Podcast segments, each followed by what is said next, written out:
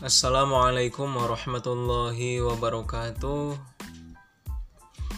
Gimana kabarnya teman-teman? Semoga eh, senantiasa berada dalam lindungan Allah Subhanahu wa taala dan juga mudah-mudahan senantiasa diberikan rahmat, nikmat dan juga karunia dari Allah Subhanahu wa taala. Pertama-tama, eh, marilah kita panjatkan puji dan syukur kehadirat Allah Subhanahu wa taala yang mana atas berkat e, ridhonya kodo dan kodarnya kita e, diizinkan oleh Allah Subhanahu wa taala memutar podcast e, kali ini ya. Juga sholawat beserta salam semoga e, tetap tersurah limpahkan kepada baginda alam yakni Nabi Muhammad Sallallahu Alaihi Wasallam tak lupa kepada keluarganya, sahabatnya, tabiin dan tabiatnya. Mudah-mudahan sampai kepada kita selaku umatnya mendapatkan syafaat nanti di yaumal jaza wal hisab. Amin. Amin ya Allah ya rabbal alamin. Oke teman-teman, eh, pada kesempatan kali ini eh, kita akan membahas kita akan membahas suatu tema yang mungkin eh, tidak asing lagi ya, namun ini perlu diketahui bahwa merupakan hal yang sangat penting untuk menumbuhkan keimanan kita terhadap Allah dan juga Rasulnya. Adapun tema kali ini kita akan membahas mengenai Mari mengenal Rasul Rasul Allah. Tema kita kali ini Mari mengenal Rasul Rasul Allah. Oke teman-teman sebelum kita bahas mengenai Rasul Rasul Allah untuk kita kenal silakan kepada teman-teman eh, bebas ya mendengarkan podcast kali ini. Kalian bisa sambil ngopi ngeteh atau minum susu atau yang lainnya yang bisa uh, menunjang uh, semangat kalian dalam mendengarkan podcast kali ini karena ini merupakan hal yang akan bermanfaat dunia dan akhirat. Oke teman-teman. Mari mengenal Rasul Rasul Allah perlu kita ketahui terlebih dahulu apa makna Rasul Allah ya. Untuk Rasul sendiri e, artinya adalah utusan. Sedangkan Rasulullah artinya utusan Allah Subhanahu wa taala. Yang mana Rasul Allah Subhanahu wa taala itu adalah orang yang menerima wahyu dan berkewajiban menyampaikan kepada orang lain atau umat manusia. Sebagaimana eh, difirmankan oleh Allah Subhanahu wa taala dalam Quran surah Al-An'am ayat 6 ayat 48 mohon maaf ya Quran surah Al-An'am surat ke-6 ayat 48 yang berbunyi A'udzu billahi minasyaitonir وما نرسل المرسلين إلا مبشرين ومنذرين ya artinya dan tidak kami mengutus para rasul melainkan untuk memberi kabar gembira dan peringatan itulah rasul ya jadi untuk memberikan kabar gembira dan peringatan yang mana ayat ini menjelaskan tentang alasan Allah Subhanahu wa taala mengutus para rasul. Yang mana e, jawabannya adalah untuk memberi kabar gembira dan memberikan peringatan. Kabar gembira di sini maksudnya menyampaikan janji-janji Allah Subhanahu wa taala bagi orang yang menaati perintahnya. Kemudian bagi mereka yang diberikan kenikmatan dan kesenangan di dunia maupun di akhirat kelak. Kemudian e, Rasul memberikan peringatan yaitu bagi mereka yang ingkar kepada Allah Subhanahu wa taala dan rasulnya maka akan mendapatkan balasan buruk yaitu neraka jahanam. Nabi dan Rasul Allah mereka itu adalah manusia biasa seperti kita. Namun ada keistimewaan-keistimewaan yang diberikan Allah Subhanahu wa taala. Karena mengapa? Uh, Rasulun Basharun lakal bashar jadi Rasul itu adalah Basharun manusia tapi uh, tidak seperti manusia tidak seperti manusia di sini saking uh, tingkat kesabaran tingkat keikhlasan dan tingkat perjuangannya di atas manusia rata-rata. Rasul Allah ini adalah manusia biasa dan merupakan laki-laki yang dipilih oleh Allah Subhanahu wa taala untuk menerima wahyu. Sebagaimana manusia lainnya, Rasul pun hidup seperti kebanyakan manusia, yaitu kebanyakan manusia biasanya apa aja ya? Seperti makan, minum, berjalan, nikah, punya anak, merasa sakit, senang, susah, dan juga semakin tua, kemudian mati dan Eh, sifat-sifat manusiawi yang lainnya itu Rasul juga manusia tapi ada keistimewaan-keistimewaan yang diberikan Allah Subhanahu wa taala. Adapun tugas-tugas dan sifat-sifat Rasul Allah e, memang sudah dihususkan oleh Allah Subhanahu wa taala. Para utusan Allah mempunyai tugas yang sangat berat yaitu memimpin manusia agar hidup sejahtera dan bahagia di dunia dan di akhirat. Agar tugas itu sukses dan berhasil, mereka diberi sifat-sifat yang istimewa oleh Allah Subhanahu wa taala. Sifat tersebut lebih dikenal dengan sifat-sifat wajib bagi Rasul, artinya sifat yang harus dimiliki oleh Rasul dan sudah ditakdirkan sifat tersebut ada dalam diri seorang Rasul dan tidak akan pernah teringkari oleh dirinya masing-masing. Yang pertama, sifat yang dititipkan oleh Allah Subhanahu wa taala kepada Rasul adalah yang pertama adalah sidik ya. Sidik artinya jujur dan benar. Jadi seorang rasul selalu benar dalam perkataan dan perbuatan dan mustahil dia berdusta atau bohong atau bisa dikatakan kizib ya, seperti itu. Yang kedua, sifat yang kedua itu adalah amanah. Artinya dapat dipercaya seorang rasul mustahil khianat. Dia wajib menyampaikan amanah Allah Subhanahu wa taala kepada kaumnya.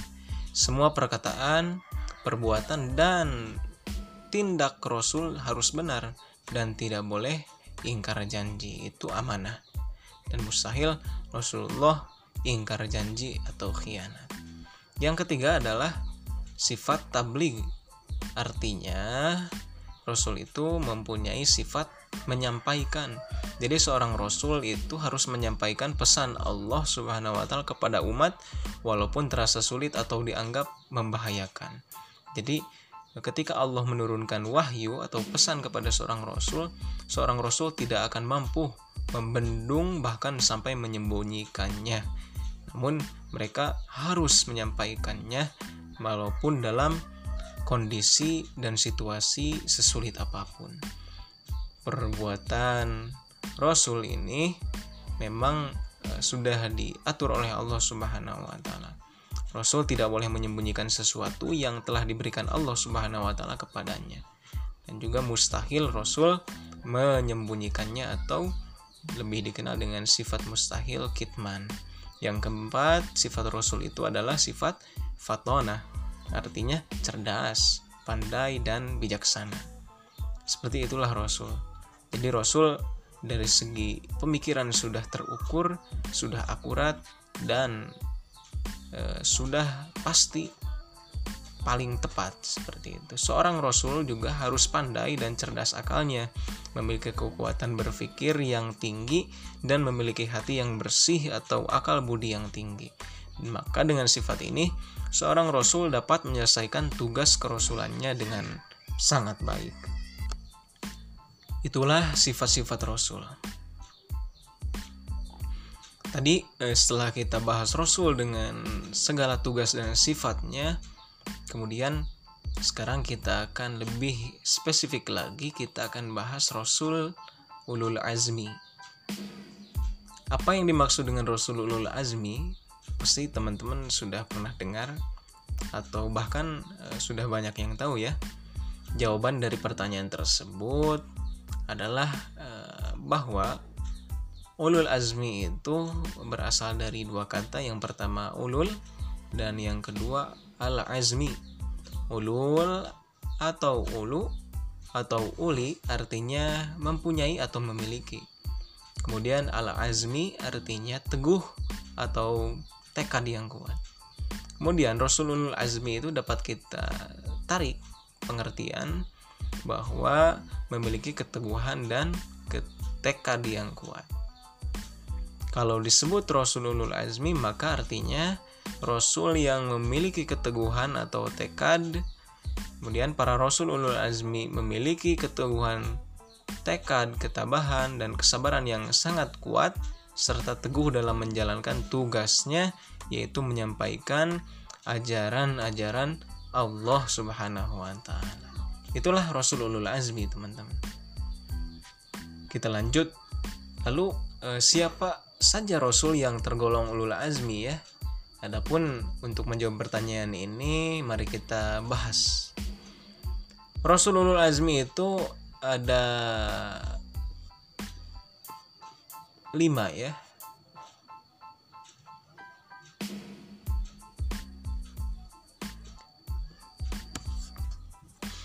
Yang pertama ada Nabi Nuh, yang kedua Nabi Ibrahim, dan yang ketiga Nabi Musa, yang keempat Nabi Isa, dan yang terakhir Nabi kita semua ya, yaitu Nabi Muhammad Shallallahu Alaihi Wasallam.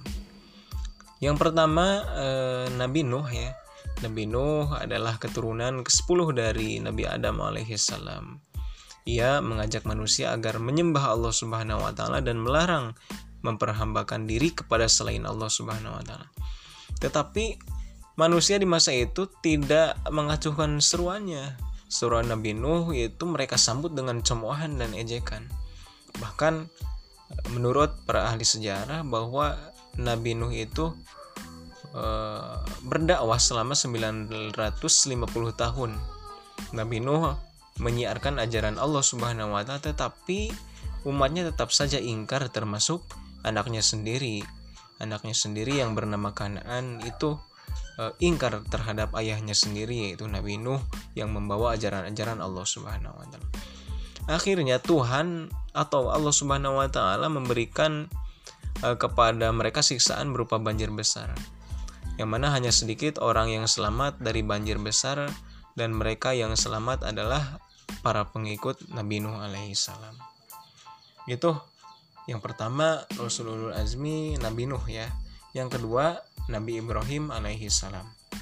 Nabi Ibrahim adalah uh, putra seorang tukang membuat patung ya yang bernama Azar. Nabi Ibrahim itu namanya Azar.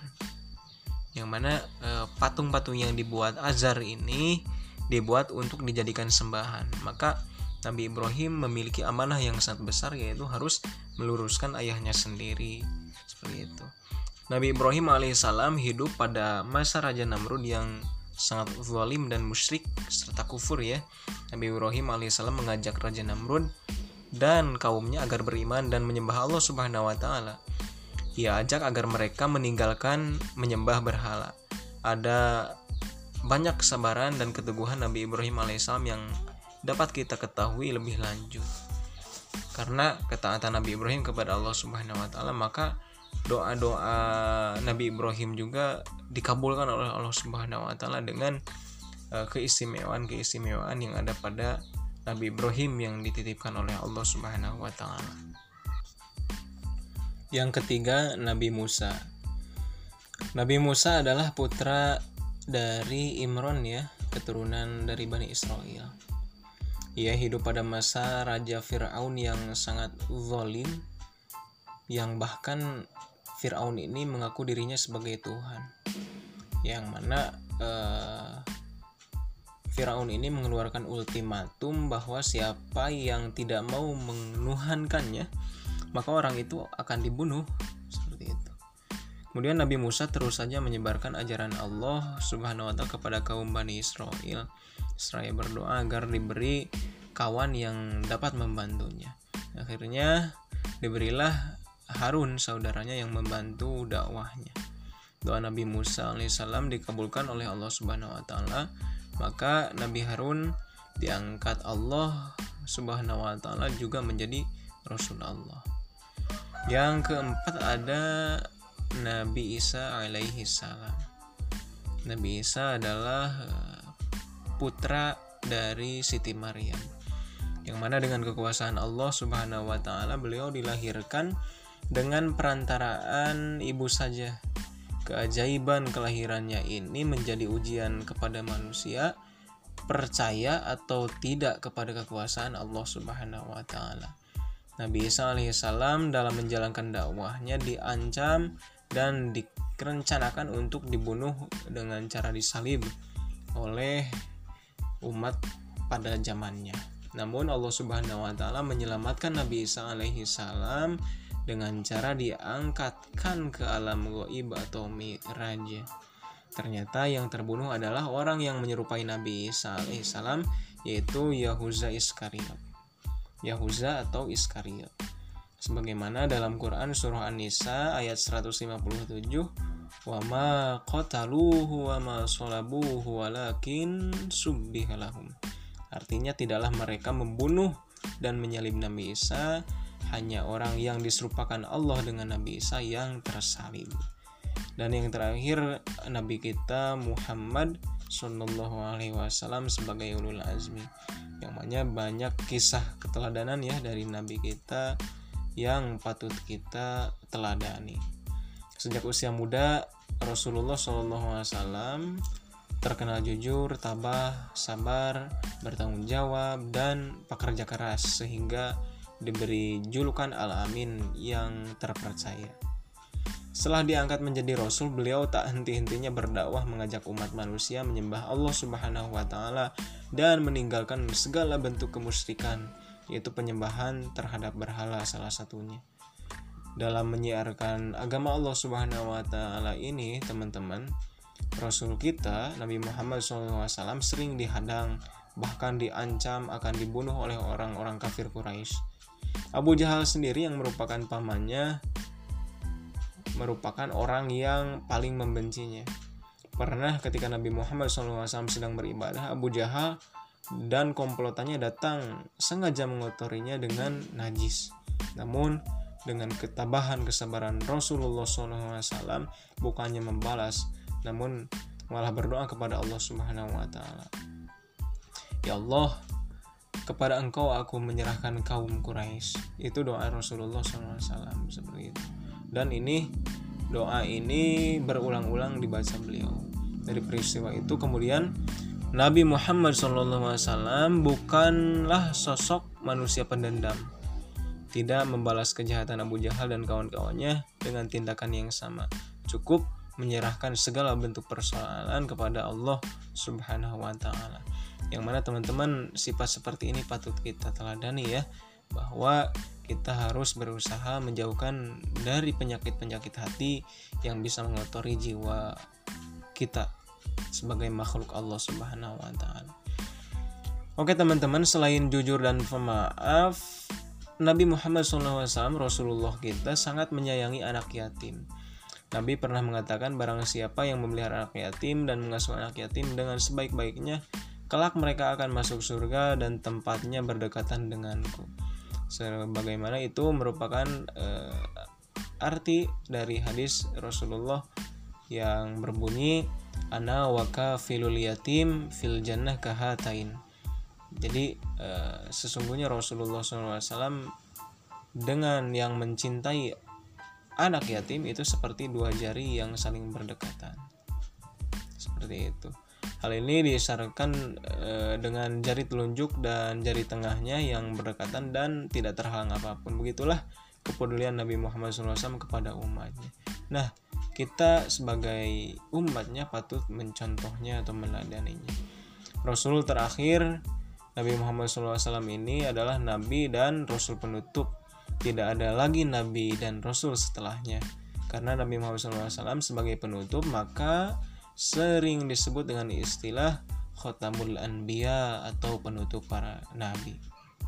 Kemudian sikap-sikap terpuji para rasul dan rasul ulul azmi. Yang pertama sikap terpuji para rasul ya. Ada sikap berbicara, sikap makan minum, sikap berjalan, sikap bertamu, sikap waktu belajar, sikap ketika bergaul bersama teman, dengan guru, dengan orang tua, atau dengan orang-orang yang lebih tua dan sebagainya. terpuji ya pastinya sifat-sifat Rasulullah ini Rasul Rasul Allah ini adalah sifat-sifat yang terpuji pastinya dalam segala bentuk aktivitas apa pun terpuji atau mahmudah ya biasanya itu sifat yang kita sering dengar dan istilah mahmudah atau terpuji yang mana sikap yang baik sesuai aturan agama Islam. Misalnya jujur atau al amanah pemaaf atau al afu tekun al khusyu malu kalau diri tercela al hayau kemudian bersih an pemurah pemurah as dan sabar as-sabru dan seterusnya sikap terpuji para rasul itu dapat dibagi menjadi dua yang pertama sikap terpuji kepada Allah Subhanahu wa taala sebagai pencipta alam semesta dan sikap terpuji kepada sesama manusia dan alam sekitar pastinya. Kita telah mengetahui bahwa para rasul memiliki sifat wajib yaitu sifat sidik, artinya jujur, benar, sifat amanah, yang artinya dapat dipercaya, sifat tablik atau menyampaikan, sikap al-fatonah atau pandai dan cerdas. Selain itu ada sifat dan sikap yang mereka pegang teguh yaitu menyembah hanya kepada Allah Subhanahu wa taala, Tuhan yang Maha Esa, taat dan patuh kepada Allah Subhanahu wa taala. Itu sifat yang mereka pegang teguh. Kemudian para nabi dan rasul itu terpelihara dari segala macam dosa, baik dosa kecil apalagi dosa besar. Tetapi sebagai manusia biasa tidak lepas dari sifat khilaf seperti yang dilakukan oleh Nabi Adam alaihi salam yaitu mendekati pohon larangan Allah akibat godaan setan ya contohnya seperti itu tapi itu semua sudah dirancang oleh Allah untuk mengangkat dalam rangka mengangkat kenabian dan kerasulannya. Itu ujiannya. Ujian-ujian terbesar pasti lebih besar daripada ujian kepada kita selaku makhluk biasa pastinya teman-teman. Kemudian sikap tadi sikap terpuji para rasul kemudian ada sikap terpuji para rasul ulul azmi ya.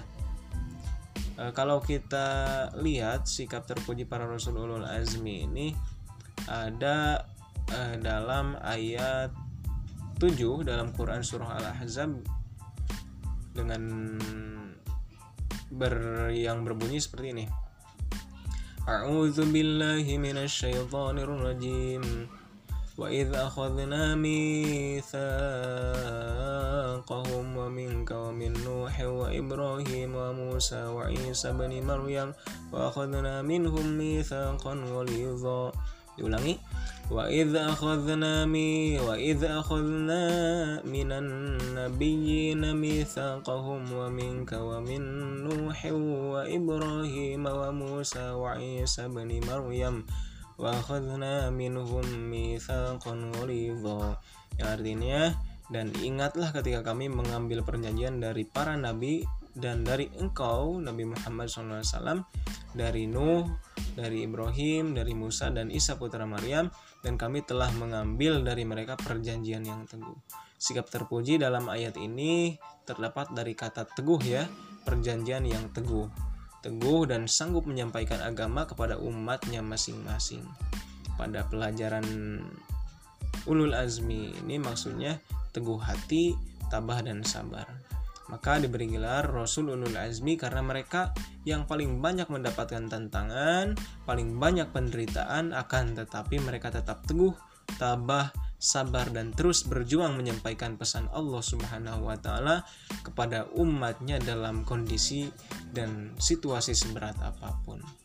Kemudian mari kita meneladani Rasulullah dan Rasulul Azmi ya yang mana kita teladani atau mencontohnya meneladani atau menyontoh para rasul dan Rasulul Azmi seperti pesan Allah dalam Quran surah Al-Ahqaf ayat 35 ya.